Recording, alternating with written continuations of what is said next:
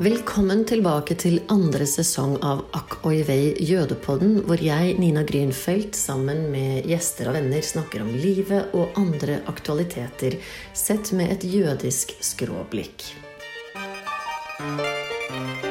I siste episode før sommeren møtte dere min navnesøster Nina Baug Lichtenstein, som konverterte til jødedommen da hun ble forelsket i en jødisk amerikaner, og som fikk sin jødiske identitet redefinert og styrket da kjærligheten tok slutt.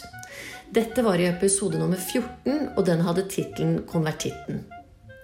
Jeg lovet dere en rask oppfølger, og flere har etterlyst dette, men juni måned ble så hektisk, og plutselig så var ferien der. Men det siste og svært gledelige som skjedde før ferien satte inn, var at stiftelsen Fritt Ord tildelte AKIV Jødepodden en ny runde med støtte. Jippi!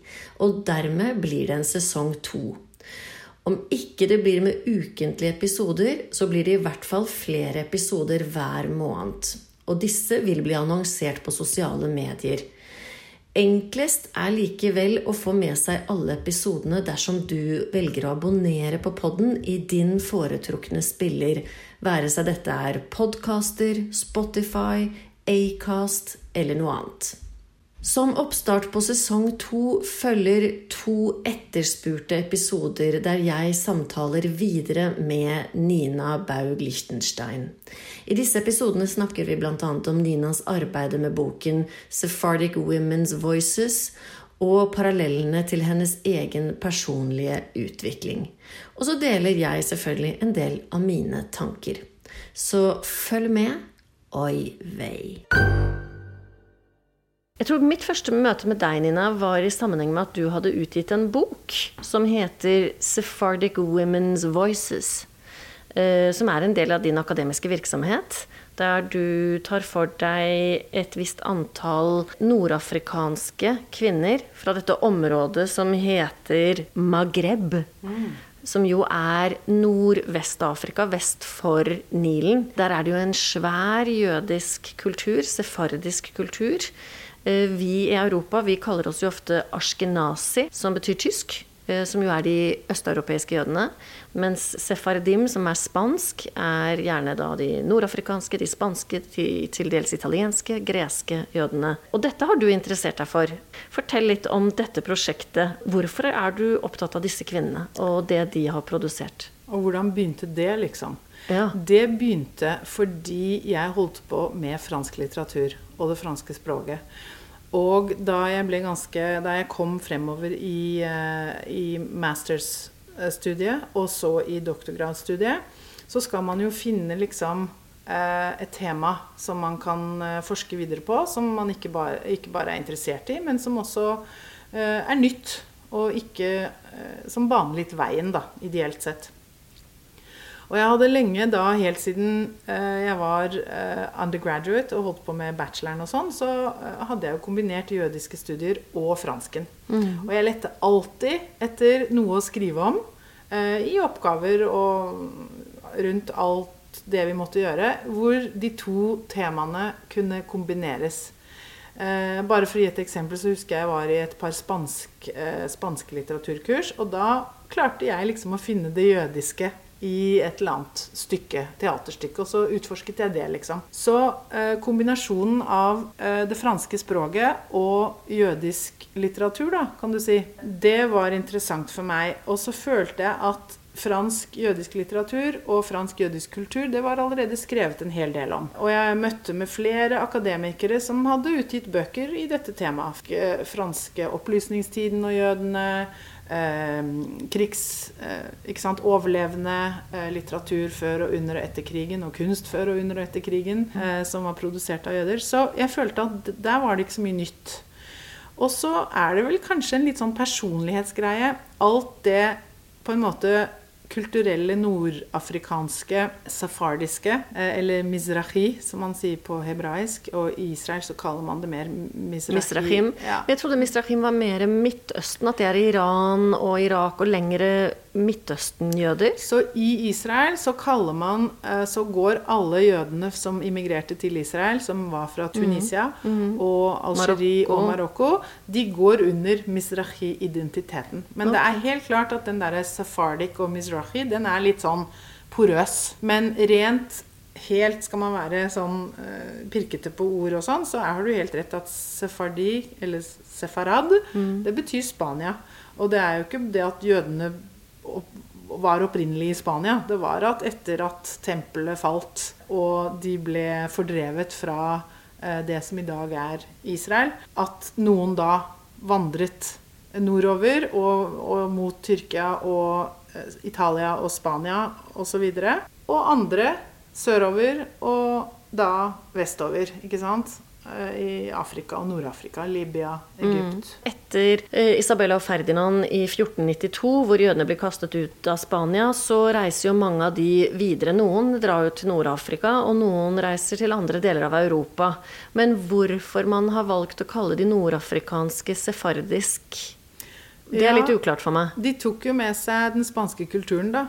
Og gullalderkulturen, spesielt de som endte opp i Marokko Etter 1492. etter 1492. Ja. Så eh, jødene som var Du vet, eh, det var utrolig rike jødiske samfunn og kulturer i Nord-Afrika før 1492, som hadde vært der siden tempel, tempeltiden. Siden eh, ja, år 70, men også tidligere. Før Kristus, som han sier. Vi snakker om altså eh, jøder som opprinnelig kom fra det vi kaller Israel i dag som var del av faktisk eh, urbefolkningen eh, som sto skulder med skulder med berberne i fjellene i Marokko og Algerie og slåss mot den arabiske invasjonen. Så det er så lenge siden. Ikke sant? Men det fins vel også altså Hvis vi virkelig skal gå ordentlig langt tilbake, så fins det vel også stammer i Afrika, jødiske stammer, vi ikke egentlig helt vet hva som er eh, opphavet. Og ikke, vi har jo også disse etiopiske jødene, hvor mange kom til Israel i 1984-85, var det vel, med den store hungersnøden. Ja. Så altså, jeg pleier jo å si av og til til eh, mine venner og bekjente at eh, det er en liten jøde i oss alle sammen. Fordi Jesus var jo også jøde. Ja, det glemmer man fort. ja, det glemmer man fort. Det er alltid litt sånn pussig når man snakker med kristne, kanskje spesielt veldig kristne mennesker, da, og minner dem på at Jesus var jøde, og at på korset så står det som regel INRI, som er Jesus fra Nasaret rex Judea, dvs. Si jødenes konge. Og da ser de litt sånn på deg, så nikker de, og så vil de ikke snakke mer om det. Ja, ja da, det er helt uh, sant. Og, og, og eh, du vet det at uh, den kulturen på en måte snakket til meg Jeg tror det har mye å gjøre med Det høres litt sånn overfladisk ut. Jeg tror faktisk det har noe å gjøre med estetikken også. At hele estetikken i Nord-Afrika har alltid Eller jeg har alltid vært betatt av den, for å si det sånn. Så når du da har språket og dette at jeg følte at her kommer jeg frem til eh, temaer, og ikke minst eh, verk skrevet av jøder som bodde i disse landene og var del av disse utrolig rike og gamle kulturene, som eh, ikke egentlig er kjent. Veldig lite innen akademiet. Og jeg må bare si at eh, det som var kjent, det var eh, mannlige forfattere Vi lever jo i et patriarkat. type Albert Memmi, som eh, er vel en av de mest kjente fra, Tun fra Tunisia, som var, gjorde franskmannen av seg da, etter at eh, disse jødiske kulturene og samfunnene i Nord-Afrika eh, faktisk rett og slett forsvant etter, at, eh, etter annen verdenskrig, og etter at Israel ble opprettet som moderne stat. Da ble jo mange av dem kastet mer eller mindre Mer regelrett ut. eller mindre kastet ut, mer eller mindre frosset ut av samfunnet. Du vet, du fikk ikke lov å eie butikk lenger, du fikk ikke lov å praktisere eh, det du gjorde som arbeid. Det ble litt farlig. Du, så det var eh, vanskelige tider. Og det er noe som ofte forsvinner litt, og som folk som er veldig raske til å kritisere eh, hva som skjedde i årene før og under etableringen av staten Israel, da, at eh, ja, det var palestinere og arabere som ble kastet ut, eller flyttet, eller ble oppfordret til å flytte fra områder som ble Israel, så var det viss sånn ringvirkning. Skjedde også da i Nord-Afrika hvor, og, og Irak. Det fins jo ikke jøder igjen i Bagdad, Nei. og heller ikke i Kabul, altså og disse stedene. Algerie, og Marokko er faktisk det eneste stedet hvor det faktisk er en uh, liten jødisk uh, Menighet. Ja, vi snakker om altså nært 800 000 jøder som bodde i Nord-Afrika og Midtøsten, som ble rett og slett fordrevet, eller bestemte seg for å pakke og flykte og reise så fort de fikk anledning, fordi det var uholdbart. Hvert ehm, kan du si, krampetrekning som skjedde i Israel og området, så var det ringvirkninger som var dramatiske. Der fant jeg en nisje. Og i begynnelsen, da jeg begynte å tenke at ja, men eh, det var jo kvinner som skrev bøker òg. Og så begynte jeg å finne, og så begynte jeg å forske, og så begynte jeg å grave. Så, så kom det frem den ene etter den andre. Og da var det jo at de hadde skrevet på fransk. Så hvorfor hadde de skrevet på fransk? Men dette er primært kvinner, jødiske kvinner fra Nord-Afrika som har kommet til Frankrike etter andre verdenskrig, altså i sammenheng med nettopp denne utkastelsen etter opprettelsen av staten Israel, ikke sant? Helt riktig. Så er det jo også denne veldig interessante, tenker jeg, historien til jøder i Nord-Afrika, at ja, de representerer både da kolonialist franskmennene til dels, men de har også en semittisk bakgrunn på lik linje med sine arabiske brødre og søstre. Sånn at de er både de har både en kapasitet til å være en slags type brobyggere, men er også veldig sårbare fordi de er alltid den andre sett fra alles ståsted. Og spesielt da franskmennene inntok Nord-Afrika og la under seg disse landene, så var det problematisk fordi mange av jødene tok imot franskmennene da de kom.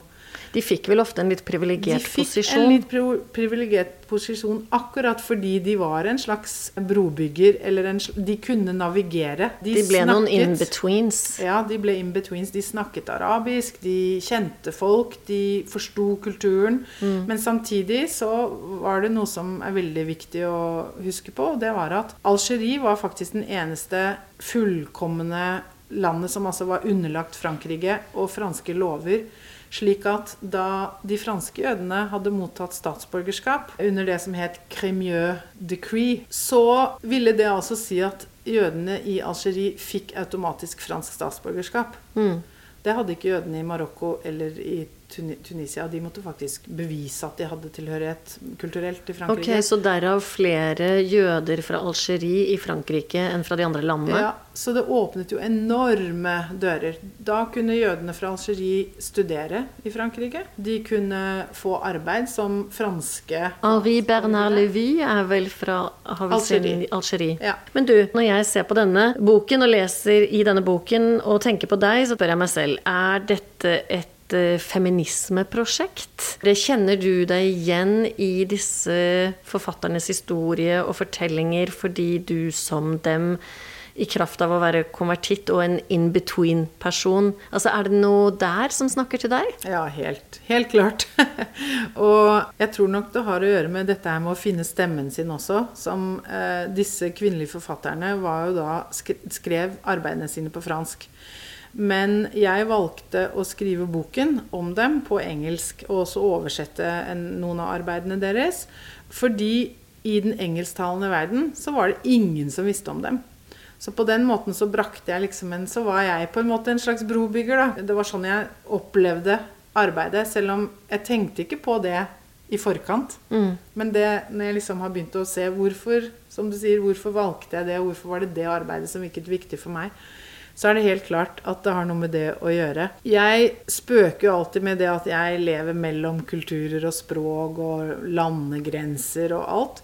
Og det er ikke Du er en evig vandrende jøde? Jeg er en evig vandrende jødinne. jødinne. Jeg har liksom tatt litt sånn Jewess. Ja. Jeg har tatt, uh, tatt tilbake den litt sånn gammeldagse måten å Jødinne syns jeg er et veldig vakkert ord. Ja. Og jeg har brukt det mye, men opplevd at det lander ikke alltid helt nei, hos andre. Det oppleves kanskje som eh, Jeg vet ikke hvorfor. Det ble vel brukt eh, nedsettende. nedsettende. Eller litt sånn, du vet, eksotisk og mystisk og litt sånn av da the male gaze. The Orientalist Male Gaze, som snakket om the, the Jewess, Mm. jødinnen. Men arbeidet i seg selv Jeg husker jo da jeg var i det tidlige stadiet av forskningsarbeidet og hadde et møte med to mannlige nordafrikanske akademikere i Frankrike, fulle professorer, og fortalte dem om For å se om de kunne hjelpe til, om de hadde ideer.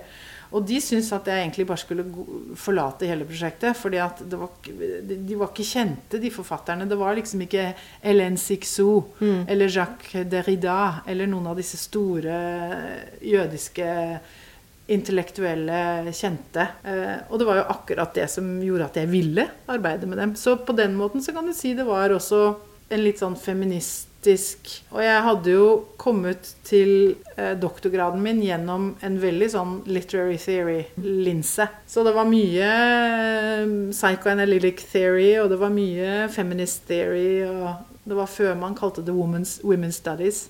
Nettopp. Så alt det er nok en del av Og det er vel derfor også boken, den første delen av boken prøver liksom å kartlegge litt det teoretiske, da. Hvordan jeg kommer inn i det. Både det historiske og det teoretiske. Men det må vel til. Dette er jo tross alt et akademisk arbeid. Men jeg skal fortelle deg, Nina, at selv der så står jeg midt mellom to verdener. Og det ble egentlig et bevisst valg. Fordi de som endte opp med å gi ut boken, Gaon Books, det er en litt sånn independent press og ikke en university press. Og det at jeg gjorde det også på engelsk og ikke på fransk. Og at boken er skrevet på et språk så dette var vel egentlig begynnelsen av Jeg kaller meg jo selv en recovering academic nå.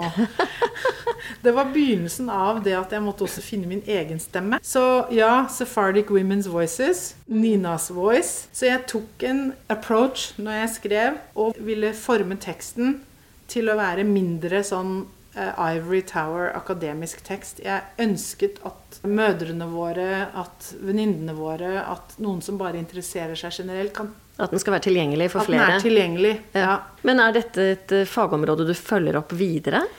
Nå har jeg ikke gjort det eh, på en god stund, men det hender jo jeg får eh, forespørsel da, om å snakke om boken og temaet, eller skrive en eh, bokanmeldelse som ligger rundt samme tema. Eh, men du vet når man slutter å reise rundt på konferanser og, og gi foredrag eh, på tema, så går man jo Forsvinner man litt ut? man gjør jo det, og det har vært litt vanskelig. Men jeg tok et veldig konkret valg eh, etter eh, at jeg ble skilt. Ikke bare det at jeg begynte å løsne litt på min eh, Hvor strengt jeg liksom så på de tingene jeg observed av jødisk eh, tradisjon. Men at jeg også hadde begynt å skrive en del essays og litt sånn memoir writing. Og følte at da fant jeg stemmen min på en helt annen måte. Som, og det høres litt sånn klisjé ut, men som jeg Det ga meg mer glede å skrive på den måten. Men du ønsker egentlig ikke å skrive så tungt akademisk. Du har mer et ønske om å skrive mer eh, Litt mer, tilgjengelig. litt mer tilgjengelig og mer, kan du si, med litt mer kreativ eh, tillatelse. Ja, ja. Ja. ja. Og det har jeg syntes vært Du skal ikke skrive en roman da, om å være en kristen, ung norsk kvinne som konverterer til Jo, men det, det, det er så mye som jeg, jeg, jeg sier at jeg går og bærer på noen bokprosjekter, og, det, og sånn er det.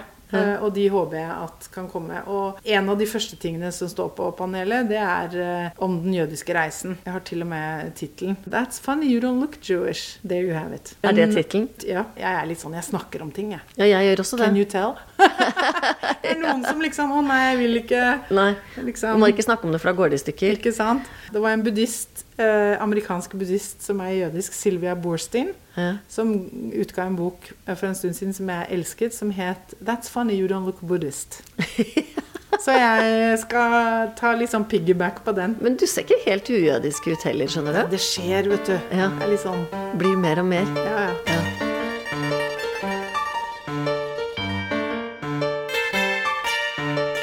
Denne episoden som du nettopp har hørt, var del to av tre samtaler jeg har hatt med min navnesøster Nina Baug Lichtenstein, som omhandler hennes jødiske identitet og reise. Og snart kommer også del tre. Takk for at du lytter til AKV Jødepodden. Om du liker denne podden og vil følge med videre, kan du trykke 'abonner' i din foretrukne spiller. Da vil du få beskjed når neste episode blir publisert. AKIV Jødepodden er støttet av stiftelsen Fritt Ord, og musikken du hører, er komponert og arrangert av Jens Wendelboe.